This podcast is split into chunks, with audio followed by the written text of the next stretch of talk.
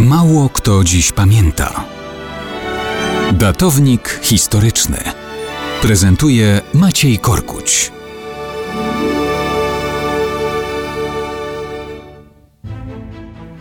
Dwudziestego 27 stycznia 1945 roku przestała działać niemiecka fabryka śmierci KL Auschwitz.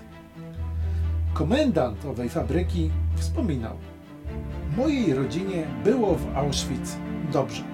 Każde życzenie mojej żony i dzieci było spełniane. Dzieci mogły szaleć do woli. Żona moja żyła wśród kwiatów jak w raju.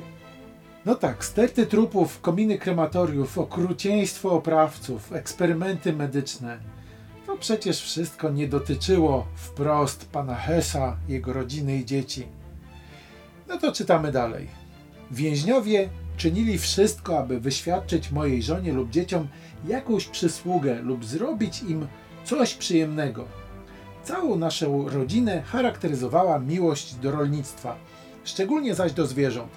Szczególnymi względami cieszyły się oba nasze konie i źrebak.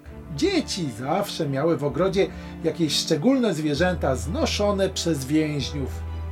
Żółwie, kuny, koty lub jaszczurki. W ogrodzie stale było coś nowego i interesującego. Latem dzieci kąpały się w basenie w ogrodzie lub kąpały się w sole. Tak wyglądał niemiecki raj o nazwie Koncentracjonslager Auschwitz. Wszystko jak w bajce, tylko ci więźniowie jakoś psują ten obraz biednego komendanta owego raju, który tak kochał zwierzęta i kwiaty. A mordowanie ludzi, masowe ludobójstwo? W innym miejscu Rudolf Hess pisze Gdy widziało się kobiety z dziećmi idące do komór gazowych, mimo woli myślało się o własnej rodzinie. Czyli co, miał wyrzuty sumienia? W innym miejscu odpowiadał na to, że żelazna konsekwencja, z jaką wykonujemy rozkaz Führera, powoduje, że muszą zniknąć ludzkie odruchy. A więc fabryka działała.